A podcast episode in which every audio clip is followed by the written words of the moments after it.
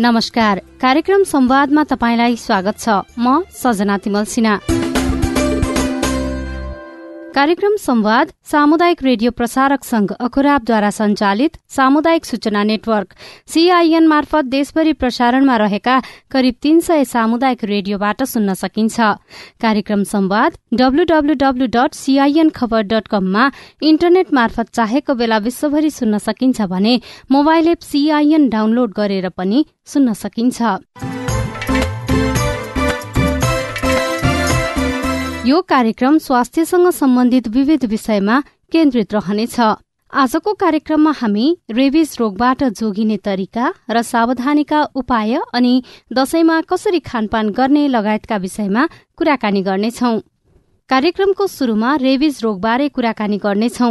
गत साता नेपाल सहित विश्वभर रेबिज विरूद्धको दिवस मनाइयो। एक स्वास्थ्यको कार्यान्वयन रेबिजबाट शून्य निधन नाराका साथ विश्व रेबिज दिवस मनाइएको हो। सन् दुई हजार तीससम्म नेपालमा रेबिजबाट मृत्यु हुने संख्या शून्यमा झार्ने सरकारको लक्ष्य छ तर त्यो पूरा हुनेमा भने चुनौती देखिन्छ। सामान्यतया रेबिज लागेको जनावर वा कुकुरले मानिसलाई टोकेमा लाग्ने यो रोगका कारण मृत्युसम्म हुन सक्छ। रेबिज रोगका कारण विश्वभर दस हजार भन्दा बढ़ीको मृत्यु हुने गरेको छ भने नेपालमा मात्रै वर्षेनी सयदेखि डेढ सय जनाको मृत्यु हुने गरेको छ। रेबिज रोगबारेको जानकारी दिँदै हुनुहुन्छ डाक्टर शेरबहादुर पुन। रेबिज त अब खास गरी धेरै जस्तो त कुकुरको टोकाइबाट हुने हो। धनै उनान्से प्रतिशत रेबिज कुकुरको टोकाइबाट हुने तथ्याङ्कहरू छ। तर त्यो बाहेक अरू जनावरहरूले पनि टोकेर हुने गर्छ। मेरो सम्झना भएअनुसार चाहिँ अझ यो जङ्गली यो जुन स्यालहरू छ त्यसले टोकेर पनि खास गरी तराईतिरको भागतिर मानिसहरूको मृत्यु भएको पनि देख्छु। र यो दुईवटा मुख्य भयो। अरू चाहिँ अब हामीले खासै त्यति देख्न चाहिँ पाउँदैनौँ। र पछिल्लो समयमा सङ्ख्याको हिसाबमा चाहिँ यो वर्षेनी घट्नुपर्ने भन्ने मेरो अनुमान थियो तर त्यो घट्नुको सट्टा बढी नै रहेको छ। यो मानेमा मैले अनुमान गरेँ कि हामीसँग प्रशस्त मात्रामा खोप छ नि शुल्क छ सहज रूपमा पाउँछ तर पनि हामी चाहिँ यहाँ कहीँ चुकिरहेको छौँ भन्ने लाग्छ। र त्यो चुकिएको जुन एउटा हामीले अझ पनि ध्यान नदिएको जुन कुराहरू छ जसले गर्दा यो बढिरह्यो होला त्यो नगर्ने हो भने चाहिँ हाम्रो यो रेबिसबाट हुने अझ भन्दाखेरि चाहिँ धेरैले चासो पनि नदिएको रोग उस्तै परे टोकाइ खाने घाइतेले समेत व्यवस्था गरेको रोग चाहिँ थप बढ्दै जाने चाहिँ अनुमान चाहिँ मैले गरेको छु। हामीलाई कुनै पनि रेबिज लागेको जनावरले टोक्यो भने हामीले सबैभन्दा पहिले प्राथमिक उपचार भनेको के गर्न सक्छौँ? सबैभन्दा राम्रो एउटा सान्दर्भिक प्रश्न गर्नुभयो। के गर्ने त? किन भन्दाखेरि मान्छेहरू दौडेर आउँछ कतिपय त केही नगरिकन। बुझ्नुपर्ने के छ भन्दाखेरि सुरुमा टोक्ने बित्तिकै टोकेको भागमा सबैभन्दा राम्रो चाहिँ रनिङ वाटर भन्छौँ जुन बगिरहेको पानी होइन? हामी धारा खोल्दाखेरि जुन सर आउँछ त्यो। नभए पनि पानीले साबुन पानीले पन्ध्र मिनट जति यदि के गरे हामीले घाउ सफा गर्न सक्यो भने त्यो जुन भाइरसहरू छ अधिकांश भाइरसहरू चाहिँ कम भएर जान्छ। अथवा त्यसको सङ्ख्या कम भएर जानेछ। र त्यो कम हुनु भनेको चाहिँ उसलाई रेबिज हुने सम्भावनाबाट धेरै हदसम्म चाहिँ कम गरे गर्छौँ भन्ने हो। त्यसले गर्दाखेरि चाहिँ जो कोहीलाई पनि यदि टोकिहाल्यो भने चाहिँ पहिलो काम त्यो गर्न चाहिँ नबिर्सिनुहोस् र त्यसपछि चाहिँ अब पक्कै पनि हामीले खोपको चाहिँ आवश्यकता हुनसक्छ। त्यो चाहिँ अब सम्बन्धित स्वास्थ्य कर्मीसँग चाहिँ सरसल्लाह लिएर लगाउनु पर्ने हुन्छ। रेबिज लागेको जनावरले टोक्यो घाउ भयो। हामीसँग अस्पताल पुग्न सक्ने अवस्था छैन होइन? त्यसपछि हामी के गर्न सक्छौँ? अस्पताल अथवा खोप जहाँ छ त्यहाँ पुग्नै पर्छ। किन भन्दाखेरि यो बाहेक हामीसँग अरू उपाय छैन। यो कुनै त्यस्तो घरेलु उपचार गर्ने चिज पनि होइन।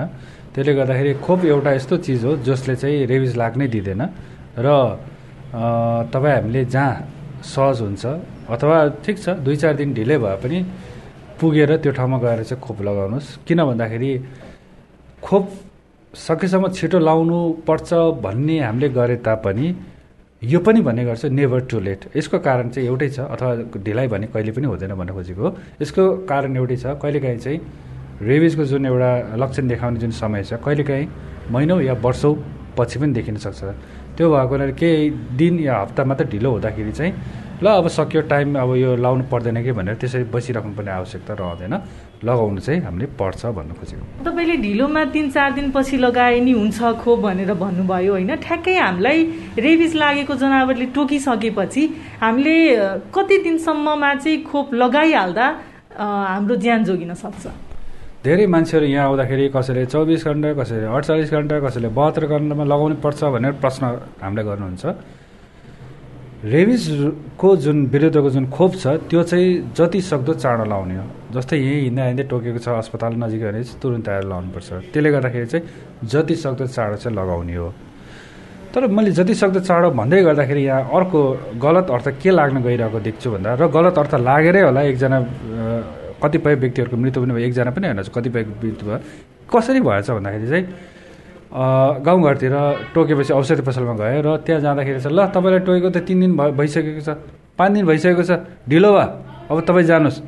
भनेर फर्केर उहाँले रेबिज लाएर मृत्यु भएको पनि हामीले पाएको छौँ। त्यस्तो भन्नु हुँदैन गर्नु हुँदैन। यहाँनिर चाहिँ मैले अघि भने चाहिँ ढिलाइ भनेको कहिले पनि हुँदैन। यसको एउटै कारण चाहिँ त्यसको लक्षण देखाउने समय फरक फरक हुने भएको हुनाले। कोही मान्छेले चाहिँ एक भनौँ एक वर्षपछि लक्षण देखिँदो देखिँदै रहेछ भने उसले अब एक महिनापछि लाउँदा भने त उसको ज्यान त बस्ने भयो नि त। त्यो मानिमा चाहिँ हामीले पहिला त जति सक्दो चाँडो तुरुन्तै लाउने हो। केही गरी कुनै कारणवश ढिलो भयो भने पनि ढिलो भयो भनेर बस्ने भने कि लगाउनु पर्ने अर्को भनेको यो रेबिज रोग लाग्नै नदिनको लागि हामीले के के कुरामा ध्यान दिनुपर्छ? जनावरले टोकिहाल्ने कतिपयमा जिस्काएर पनि टोक्ने हुन्छ कतिपयमा हिँड्दा हिँड्दै पनि टोक्ने हुन्छ। खासमा हामी रेबिज रोग लाग्नै नदिनको लागि कसले के के कुरामा ध्यान दिनुपर्ने हुन्छ? पहिलो कुरो त अब व्यवस्थित हुनु पऱ्यो जनावरहरू। किनभने अघि हामी भने कुकुरले बढी टोकेर हुने देखिन्छ। बहुला कुकुरले टोकेर हुने। त्यसको व्यवस्थापन बढी ध्यान दिनु पऱ्यो अब यो चाहिँ कसको अब यो जिम्मेवारी हुन्छ यो थाहा पाउनु पऱ्यो मेरो होइन मेरो होइन भन्न मिलेन। अब यो वडाले गर्ने हो कि अब नगरपालिकाले गर्ने हो कि कसको जिम्मेवारी? यो एकदमै आवश्यक छ। दोस्रो भनेको चाहिँ अब कुकुरहरूलाई गएर जिस्काउने चलाउने गर्नु भएन। यद्यपि सबैले त्यस्तो नगरेर पनि टोकाइ खाइरहेको हुन्छ अचानक आएर टोक्छ कुकुरहरूले। तर कतिपयलाई चाहिँ जिस्काएर टोकेको पनि देखिन्छ। अचानक आएर टोक्यो भने चाहिँ अब तपाईँहरूले अब यतिकै बस्नु भएन। जति सक्दो चाँडो नजिक कहीँ गएर चाहिँ खोप लगाउने चाहिँ कोसिस गर्नु पऱ्यो जसले गर्दाखेरि चाहिँ अब अनुहारहरू त कुकुरहरूको यस यसमा रेबिज छ छैन भन्न त सकिँदैन। हामी तसर्थ त हामीले यहाँ जतिजना टो टोकेर आउनुहुन्छ सबैलाई खोप लगाउने कारण त्यो हो। यो लगायो भने चाहिँ हामी ढुक्क हुन्छ। नलगायो भने चाहिँ के हो के हो थाहा हुँदैन। त्यो त्यो चाहिँ तपाईँ हामीले विशेष ध्यान दिनुपर्ने कुरा कुकुरले टोकिसकेपछि हामी रेबिजबाट जोगिनको लागि जुन खोप लगाउँछौँ नि त्यसको मात्रा के हुन्छ भनेको हामीले कति दिनसम्म लगाउनु पर्छ कतिवटा लगाउनु पर्छ त्यसको मात्रा चाहिँ अब पहिला पहिला भन्दा अहिले अलिकति कम गरेछ त्यो कम भनेको मतलब चाहिँ मात्रा कम मात्रा भन्दा पनि त्यो लगाउने दिन कम गरेछ अनि एउटा अर्को तरिका पनि छ त्यो भनेको चाहिँ छालामुनि दिने। छालामुनि दिने चाहिँ दुई पाखुरामा दिन्छ। कम दिइन्छ मात्रा पनि कम हुन्छ। र त्यो तिन पटक दिन्छ अर्को मासुमुनि दिने जुन पहिलादेखि हामीले दिँदै आएको चलन छ त्यो चाहिँ पहिला पहिला पाँच पटक दिन्थ्यो भने अहिले चाहिँ चार पटकमा झारेको छ। र दिन हामीले भन्नुपर्दाखेरि चाहिँ आज तिन दिन एक हप्ता अनि चौध दिन गरेर यसरी चारवटा दिन्छ भने अर्को जुन छालामुनि दिने छ त्यो चाहिँ आज तिन दिन र एक हप्ता गरेर चाहिँ हामी सक्छौँ। यो सुई लगाउने कुरा चाहिँ उमेर अनुसार फरक फरक हुन्छ कि सबैले हामीले एकै समान खोप लाउँछौँ? सबैलाई एउटै हुन्छ डोज। फरक हुँदैन। कुकुरले टोक्यो हामीलाई रेबिज हुने सम्भावना छ। हामीले आफ्नो ख्याल पनि गरिराखेको छौँ खोप पनि लगाइराखेको छौँ। यो बिचमा हामीले के के कुरामा ध्यान दिनुपर्छ? खानपानको कुराहरू होला यो बिचमा हामीलाई अरू कुनै स्वास्थ्य समस्या देखियो भने के के कुरामा चाहिँ सावधानी अप्नाउनु पर्छ खोप लगाइसकेपछि चाहिँ केही त्यस्तो अप्ठ्यारो हुँदैन। यो एकदमै सुरक्षित मानिन्छ र दैनिक हाम्रै अस्पतालले सयौँ मान्छेहरूको होइन खोप लगाइरहेको हुन्छ त्यसमा समस्याहरू आउँदैन कसै कसैलाई अलिअलि जिउ दुख्ने ज्वरो आउने दुखाइ जो जहाँ लगाएको त्यहाँ दुख्छ भन्ने छ। कसै कसै अलिकति त्यो फुलिने हुनसक्छ रातो हुनसक्छ। तर त्यो कुनै ठुलो कुरा होइन। खानामा कुनै चिज बार्ने सार्ने भन्ने हुँदैन। मजाले खान सक्नुहुन्छ। हामीलाई एकचोटि कुकुरले टोक्यो हामीले खोप पनि लगायौँ दोहोऱ्याएर हामीलाई टोक्यो भने फेरि हामीलाई रेबिज लाग्ने सम्भावना या जोखिम हुन्छ? जोखिम नहोला त म भन्दिनँ। त्यसैले यदि के गरे दोहोऱ्याएर टोक्यो भने चाहिँ हामीले बुस्टर डोज लाउनु पर्ने हुन्छ। र त्यो बुस्टर डोज चाहिँ तिन महिनाभन्दा बढी लगाएको बढी भएको रहेछ भने बुस्टर लाउने। तर तिन महिनाभित्र फेरि टोकेछ भने चाहिँ त्यहाँ खोप लाउनु चाहिँ पर्दैन। किन मानिसहरू खोप सर्वत्र सहज पहुँच हुँदा हुँदै नेपाल सरकारले नि शुल्क दिँदै दिँदै किन मरिरहेछ सङ्ख्या किन बढिरहेछ भन्ने प्रश्नको उत्तर मैले खोज्दै जाँदाखेरि चाहिँ हामीहरूको जुन सोचाइमै परिवर्तन ल्याउनु पर्ने भन्ने मैले पाएँ। जस्तो उदाहरणको लागि सानो कुकुरले टोक्यो पप्पीले टोक्यो। मानिसहरूको सोचाइ के छ भन्दा पप्पीमा रेबिज हुँदैन। खास गरी मैले सडकमा सडकको कुकुरको कुरा रहेछ पालेको कुकुर होइन। अनि त्यो व्यवस्था गर्दाखेरि चाहिँ रेबिज भएको देखिन्छ। मानिसहरूले कहिलेकाहीँ चाहिँ घाउ ठुलै हुनुपर्छ। रेबिज रोग विरुद्धको खोप लाउनाले त्यो सानो घाउले रेबिज लाग्दैन भन्ने छ। त्यो गलत यो सोचाइले गर्दाखेरि पनि रेबिज लागेर मृत्यु भएको थुप्रै घटनाहरू आइ आइरहेका छन्। औषधि पसलमा जुन हामीले खास गरी गाउँ गाउँतिरको काठमाडौँ बाहिरतिरको चाहिँ के हुँदो रहेछ भन्दाखेरि उनीहरूको लागि डाक्टर नै उनीहरू र उनीहरू चाहिँ टोकाइ खाने बित्तिकै होइन ज जनावरले टोक्ने बित्तिकै उनीहरू जान त जाँदो रहेछ। तर त्यहाँ त्यसको बारेमा प्रष्ट राम्रो सही जानकारी नहुँदाखेरि पनि मृत्युवरण गरिरहेको अवस्था छ। त्यसले गर्दाखेरि त्यतातिर पनि हामीले समय समयमा चाहिँ यो बारेमा जानकारी तालिमहरू दिनुपर्ने मैले महसुस गरेँ। बच्चा बच्चीले चाहिँ आमा बुवाले फेरि पिट्छ यसलाई त टोक्यो भन्ने कोही कोही त रिसा रिसाउने हुन्छ। पिट्छ भनेर नभन्दो रहेछ टोकेको कुरा। त्यसले गर्दाखेरि बालबालिका मरेको देख्छु। वृद्ध वृद्धहरूले चाहिँ यस्तो जिन्दगीभर कति टोक्यो टोक्यो केही त भएन। यसले अहिले किन हुन्छ र भनेर नभनेर रेबिज लागेको पनि देखियो। कतिपय चाहिँ टोक्ने बित्तिकै झारफुक गर्न जाने चलन छ त्यो कारणले गर्दाखेरि। अब यस्ता जुन मैले कुराहरू भने यी सबै कुराहरू हाम्रो समाजमा सोचाइ जुन छ त्यो त्यसलाई प्रतिबिम्ब गर्छ। र यो सोचलाई यदि तपाईँ हामीले समयमै सम्बोधन गर्नेतिर ध्यान दिएन भने यो यसले निरन्तरता पाउँछ। तपाईँ हाम्रो जुन एउटा लक्ष्य छ नेपाल सरकारको सन् दुई हजार तिससम्ममा कुकुरको टोकाइबाट सर्ने रेबिजलाई जिरोमा झार्ने एउटा लक्ष्य छ। त्यो लक्ष्य पुरा हुनलाई पनि मैले चुनौतीको रूपमा देख्छु। यो सबै देशमा एउटै हुनुपर्छ भन्ने छैन। तसर्थ मैले आफ्नो देशमा हामीहरूको कहाँनिर चुकिरहेछौँ भनेर यो खास थाहा पाउनलाई नै लामो समय मैले बिरामीहरूसँग जो अब दुर्भाग्यवश मृत्यु भइसके। मृत्यु हुनुभन्दा दुई तिन दिन अगाडि मैले सबैसँग कुराकानी गर्थेँ। कहिलेकाहीँ त उहाँहरू आफ्नो आफन्तले लगाउनु जा जा भन्दा पनि अटेरी गरेको मलाई थाहा छ। कतिपय मलाई सिकाउनु पर्दैन मलाई थाहा छ। कति बेला लाउने भनेर त्यो त्यो व्यवस्था गरेको। यी सबै कुराहरू जुन मैले भने यो यो जुन एकपछि अर्को जुन मैले भन्ने भन्दै गर्दाखेरि चाहिँ यिनीहरूलाई हामीले फेरि पनि मैले भन्न रुचाएँ समयमै सम्बोधन गर्न सकेन भने यो रेबिजबाट मृत्यु हुनेको जुन सङ्ख्या छ प्रत्येक वर्ष सङ्ख्या बढिरहेकै पाउने छौँ। यो एउटा विडम्बना हो। जबकि हामीसँग सबै हतियार छ यो यो जुन रेबिज विरुद्धको हतियार भनेको मैले भ्याक्सिनलाई भने सहज अझ नि शुल्क सरकारी अस्पतालमा तर पनि मृत्युवरण गर्नु परिरहेको अवस्था छ। त्यो अवस्था नहोस् भन्नको लागि चाहिँ यसलाई चाहिँ मैले धेरै समयदेखि लामो समयदेखि अवलोकन गर्ने र यसलाई चाहिँ मैले धेरै ठाउँमा भन्ने पनि गरेको छु। यद्यपि यो चाहिँ सम्बन्धित निकायबाट नै विशेष यसलाई चाहिँ यसले भनौँ त्यसलाई चाहिँ अपनत्व लिनु पऱ्यो या त्यसलाई चाहिँ भनौँ लिनु पऱ्यो होइन? यो समस्या पनि रहेछ भनेर त्यसअनुसार चाहिँ विभिन्न योजनाहरू बनाउँदा राम्रो होला जस्तो लाग्छ मलाई। रेबिज लागेको जनावरले टोक्यो घाउ भयो। त्यो कुकुरलाई पन्ध्र दिनसम्म यदि केही भएन भने रेबिज लाग्दैन केही हुँदैन भनेर भन्ने हुन्थ्यो। त्यो भ्रम हो कि? टोकेको कुकुरलाई दस दिनभन्दा पछाडिसम्म देख्यो भने रेबिज लाग्ने सम्भावना हुँदैन। तर दस दिनभन्दा अगाडि नै मऱ्यो मार्यो हरायो। ठिक छ तपाईँले खोप पनि दिएको छ तपाईँलाई सँगै पालेर राखेको तर पनि दस दिनभित्र मऱ्यो मार्यो हरायो भने चाहिँ लगाउनुहोस् भन्छु। किन भन्दाखेरि यही कुरामा झुकेर घरमै पालेको सँगै सुतेको भन्दै गर्दाखेरि चाहिँ कहिलेका कुकुरहरू बाहिर गएको अरूसँग झगडा गरेको थाहा नहुँदो रहेछ। घरमै मैले पालेको भनेर नलगाउँदाखेरि पनि मानिसको मृत्यु भइरहेको अवस्था छ। तसर्थ दस दिनभन्दा भित्र कुनै पनि कारणले मऱ्यो मार्यो हरायो जे भए पनि त्यस्तो भयो भने खोप लाउनुहोस्। तर दस दिन पछाडि तपाईँले कतै पनि देखिरहनु भएको छ। इभन त्यो कुकुरले सुई नलागेको रहेछ भने पनि तपाईँले देखिरहनु भएको छ भने तपाईँले चाहिँ रेबिजबाट डराउनु पर्दैन। भनेपछि त्यो अवस्थामा हामीलाई टोके पनि हामीले खोप लगाउने कि नलगाउने? मैले यो किन कुरा गरेँ भन्दा पहिला कुरा त कुकुर जस्तै भए पनि लगाएर खोप लाउने हो। तर कतिपय मान्छे के हुन्छ भन्दाखेरि कसैले भनिदिन्छन् ला मलाई एक महिना अगाडि टोकेको थियो। एक महिनापछि पनि देखिन्छ है भनेर एकजनाले भने हुन्छ। ऊ दौडेर यहाँ आउँछ। हाम्रो एउटै प्रश्न हुन्छ। एक महिना अगाडि त टोक्यो। त त्यो कुकुर तपाईँले कति दिनसम्म चाहिँ तपाईँको आँखा अगाडि देख्यो? उसले पन्ध्र दिन होइन सोह्र दिन बिस दिनसम्म देख्यो भने पनि लाउनु परेन। तर उसले चाहिँ यदि के गरेछ होइन रहेछ दस दिन अगाडि नै मैले देखेन।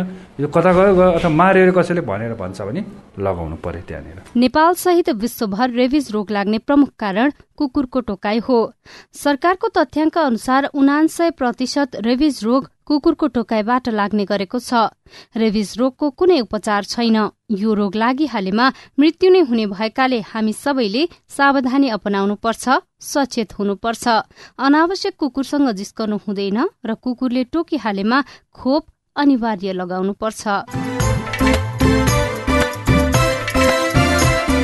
अब लागौं दशैंको खानपानसँग सम्बन्धित विषयतर्फ। आज दशैंको सातौं दिन घर घरमा फूलपाती भित्र्याइँदैछ हाम्रो घर आँगनमा रहेको दशैंको बेला पूजापाठका साथै खानपानमा पनि विशेष जोड़ दिने गरिन्छ।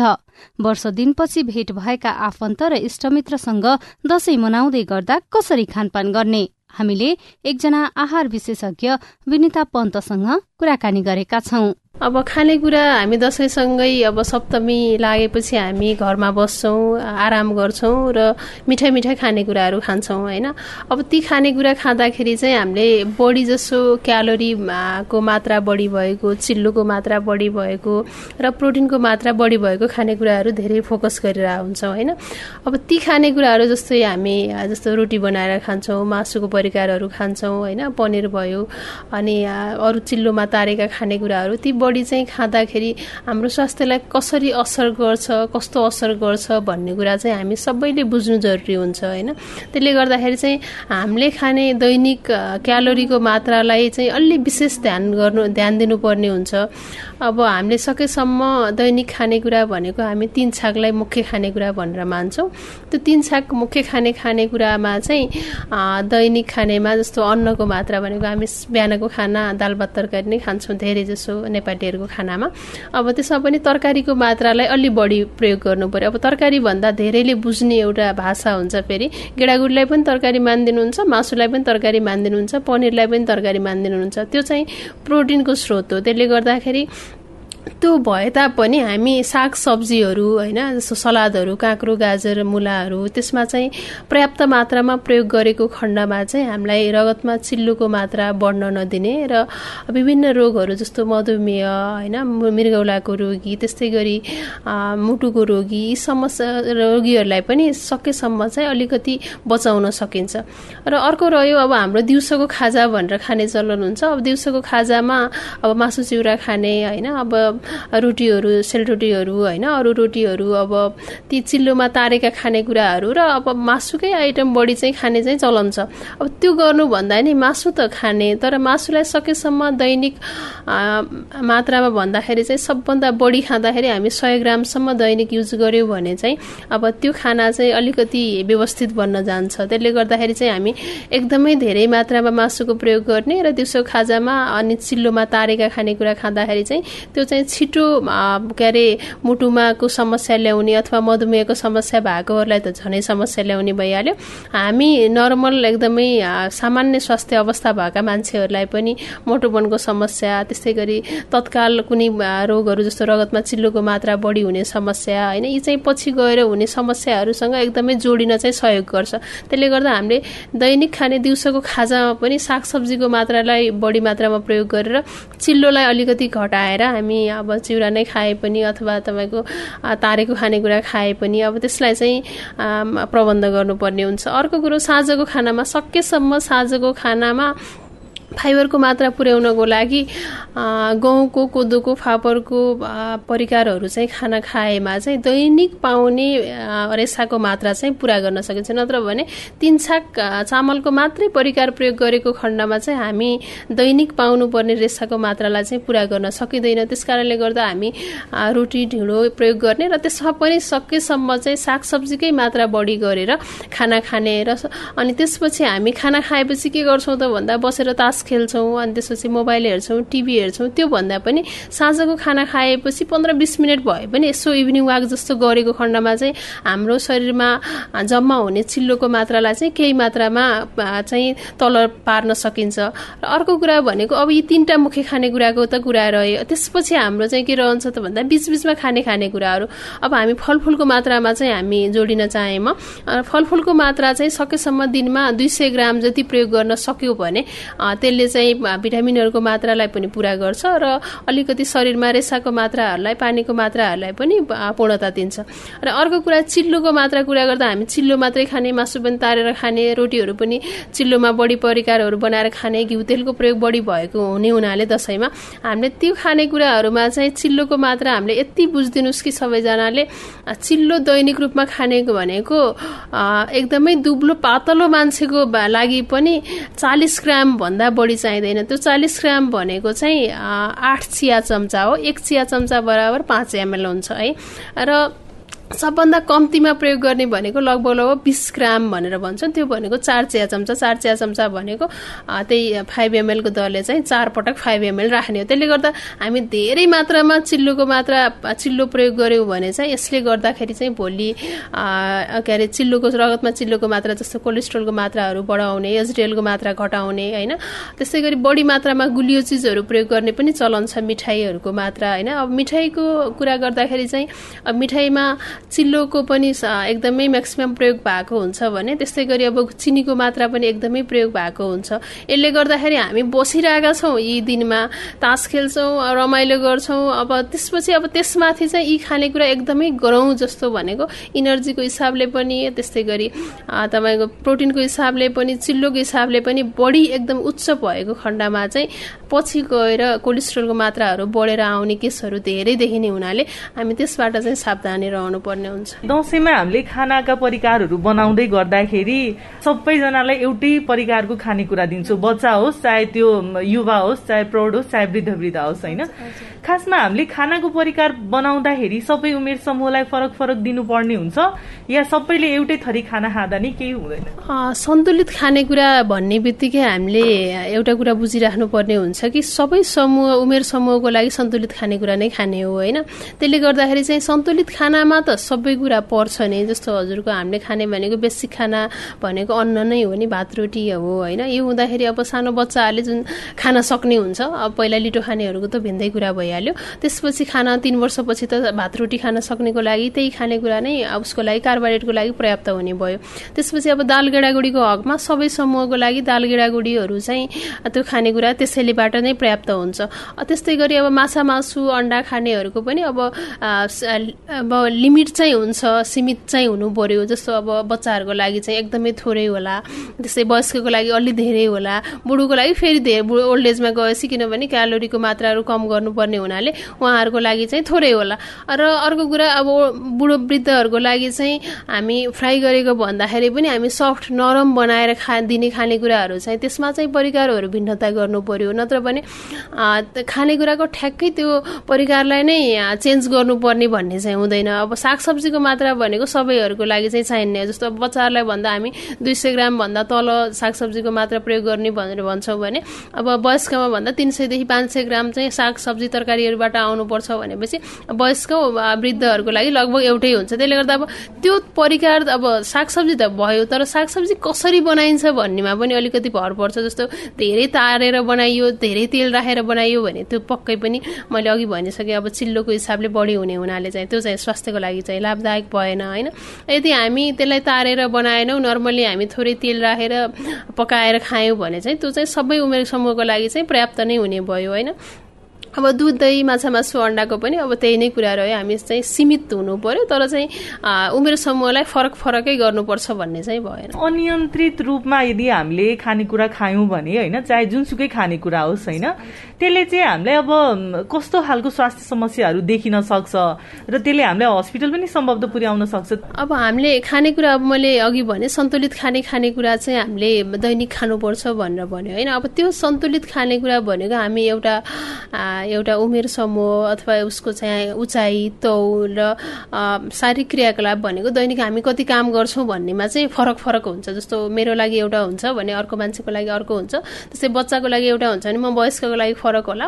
वृद्धको लागि फरक चाहिँ उसको क्यालोरी प्रोटिन र चिल्लो पदार्थको निर्धारण गर्नुपर्ने हुन्छ उसको चाहिँ तौल उचाइ र क्रियाकलाप अनुसार। अनि अब यसरी यसरी हेर्दाखेरि चाहिँ हामी यो खानेकुराहरू चाहिँ मेरो लागि जस्तो म मेरो साठी केजी वेट छ भने मैले चाहिँ खाने खानेकुरा मेरो शारीरिक क्रियाकलाप अनुसार अठार सय क्यालोरी हुन जान्छ। त्यस्तै मेरो प्रोटिन भन्दाखेरि पचपन्नदेखि साठी ग्राम चाहिँ मेरो लागि पर्याप्त हुन्छ होइन? त्यस्तै चिल्लोको मात्रा भन्दा मलाई चाहिँ लगभग लगभग के अरे चालिस पचास पचपन्न ग्राम भए पुग्छ भनेदेखि अब त्यो चाहिँ उमेर समूह पछि चाहिँ फरक फरक हुन्छ होइन? उसको चाहिँ अब सामान्य हिसाबमा सबैलाई समेटेर भन्नुपर्दा अब हामी एकदमै धेरै मात्रामा खानेकुरा खायौँ भने त्यसले गर्दा पक्कै पनि समस्या त ल्याउँछ नै। अब पहिलो समस्या र तत्काल देखिने समस्या भनेको जस्तो डायरिया भयो भमिटिङ भयो होइन? बान्ता आउने के अरे पखाला जाडा पखालाका समस्याहरू यी भनेको एकदमै तत्कालै देखिने समस्याहरू हुने भयो। अब लङ टर्म भनेको लामो समयपछि देखिने समस्याहरू भनेको जस्तो हाइपरलिपिडेमिया भनेर भन्छ। रगतमा चिल्लोको मात्राहरू बढ्ने उच्च रक्तचापको समस्या मधुमेहको समस्या होइन? मोटोपनको समस्या मृगौलाको समस्या यी क्यान्सरको समस्या यी विभिन्न समस्याहरू पनि हाम्रो के छ त भन्दा खानपानसँग सम्बन्धित छन्। यसले गर्दाखेरि चाहिँ पछि गएर हाम्रो खानपानहरू सुधार्न सकेनौँ र त्यही तरिकाले जाँदै गऱ्यौँ भने चाहिँ किनभने हाम्रो लाइफस्टाइल जीवनशैली त एकदमै के अरे कम छ काम गर्ने एकदमै छैन होइन? हामी सबै धेरै जसो मान्छेहरू चाहिँ टेबल वर्क नै गर्छौँ। यसले गर्दाखेरि पछि गएर यी समस्याहरूबाट ग्रसित हुन नपरोस् भन्ने चाहिँ हामीले सोच्नुपर्ने हुन्छ। त्यसले गर्दाखेरि पनि अहिले मैले जुन भनिराखेँ नि जस्तो अन्नको मात्रालाई हामी दैनिक थोरै मात्रामा प्रयोग गर्ने र सकिन्छ भने बढी जसो रेसाको मात्रा भएको प्रयोग गर्ने। त्यस्तै गरी हामी दाल गेडागुडी दैनिक रूपमा पचासदेखि पचहत्तर ग्रामसँग चाहिँ खाने होइन? माछा मासुलाई चाहिँ सकेसम्म सय ग्रामभन्दा माथि नलैजाने दैनिक दुई सय तिन सय एमएल जति दुध खाने होइन? त्यस्तै गरी सागसब्जीको मात्रा तिन सयदेखि पाँच सय ग्राम र फलफुल चाहिँ दुई सयदेखि चार सय ग्राम खायो। यति यसरी चाहिँ खानेकुरालाई लगभग मिलायो भने चाहिँ हामी सबै समूहबाट खाना खाँदा र चिल्लोको मात्रा कम गर्दा माछा मासुको मात्रा कम गर्दाखेरि चाहिँ हामी पक्कै पनि ती समस्याहरूबाट चाहिँ बच्न सकिन्छ। दशैं लगत्तै तिहार आउँदैछ। त्यो समयमा हामीले आफ्नो खानपानमा विशेष ध्यान दिनुपर्छ भने अहिले डेंगीको जोखिम भएकाले आफ्नो र आफ्नो परिवारका अन्य सदस्यहरूको स्वास्थ्यको पनि विशेष ख्याल गर्नुपर्छ। यो सँगै आजको लागि कार्यक्रम संवादको समय सकिने लाग्यो। आजको विषयवस्तु तपाईँलाई कस्तो लाग्यो? तपाई हामीलाई हाम्रो टेलिफोन नम्बर शून्य एक बान्न साठी छ चार छमा फोन गरेर आफ्नो कुरा भन्न सक्नुहुनेछ। साथै तपाईँले हामीलाई हाम्रो Facebook page at the rate CIN खबरमा गएर पनि आफ्ना कुरा लेख्न सक्नुहुनेछ। सीआईएनले तयार पारेको कार्यक्रम संवादबाट प्राविधिक साथी सुरेन्द्र सिंहसँगै सजना तिमल सिना विदा हुन्छु। नमस्कार।